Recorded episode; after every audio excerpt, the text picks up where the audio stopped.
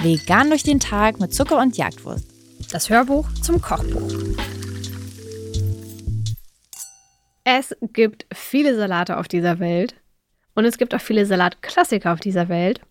Aber dieser Salat ist auf jeden Fall ein Salat, den wir sehr gerne essen und das ist kein langweiliger Salat, können wir gleich sagen. Aber Für trotzdem uns ist es ein Klassiker schon geworden, ja. obwohl es eigentlich kein Klassiker in diesem Sinne ist. Nee. Genau, normalerweise ist ein ähm, griechischer Salat ja ein Oh, normalerweise nimmt man Grünsalat, ne? Grünsalat macht dann so ein bisschen rote Gurke, Zwiebeln, Tomat. Gurke, Feta, Oliven drauf. Richtig. Und für diesen ähm, Salat haben wir zwei Sachen so ein bisschen geändert. Zum einen haben wir eine Sättigungsbeilage dazu gemacht, die nicht immer dabei ist. Und zwar sind das Kitaraki-Nudeln, ähm, die man auch als Orso-Nudeln kennt. Ähm, weil klar, man kann Salat essen, aber man kann auch noch ein paar Kohlenhydrate mit reinschmuggeln. Also könnt ihr machen, wie ihr wollt, aber es schadet ja nicht. Genau, das heißt, wir haben noch eine kleine Sättigungsbeilage dazu genommen. Und wir haben keinen fertigen Feta genommen, sondern einen eigenen dafür hergestellt. Wenn ihr einen kleinen Shortcut nehmen wollt, dann könnt ihr natürlich auch veganen Feta-Käse aus dem Supermarkt holen. Wenn ihr aber ein bisschen Bock habt, ähm, einfach mal einen Feta selber zu machen, dann können wir euch dieses Rezept empfehlen. Er ist auf Basis von Nüssen. Und zwar auf Basis von Mandeln und Cashewkern, die wir ihr könnt es euch schon denken, einweichen, damit ihr sie schön mixen könnt, damit ihr am Ende eine schöne Masse habt, die wir dann tatsächlich sogar backen und dann über den Salat krümeln. Das heißt, es ist auch kein kalter Salat. Normalerweise ist griechischer Salat ja auch kalt und durch unsere gekochten Orsenudeln und den gebackenen Feta wird er auch noch ein bisschen wohlig warm. Auf jeden Fall, der Feta wiederum müsste man jetzt vielleicht schon mal als Vorwarnung sagen. Wir, wir haben den so genannt, ich weiß ehrlich gesagt aber nicht genau warum. Wahrscheinlich aus, ansonsten würde man ihn Nussbatzen Klops.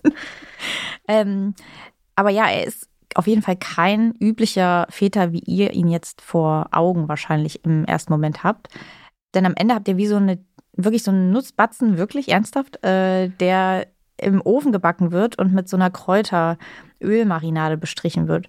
Es ist aber wirklich so unglaublich lecker. Aber ja, vielleicht, haben, vielleicht hätten wir den eigentlich gar nicht Väter nennen sollen, um da keine Vergleiche zu ziehen, weil ich finde, er ist wirklich was ganz anderes.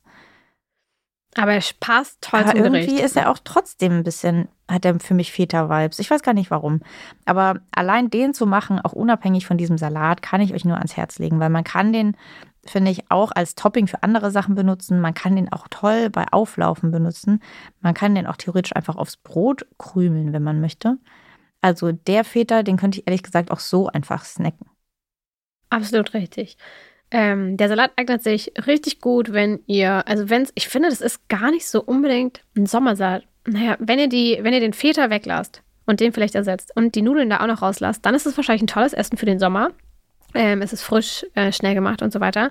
Durch den Käse und durch die Nudeln wird es fast schon so ein bisschen herbstlicher, finde ich. So ein mhm. warmer Feta aus dem Ofen, ähm, ein bisschen was Sättigerenderes.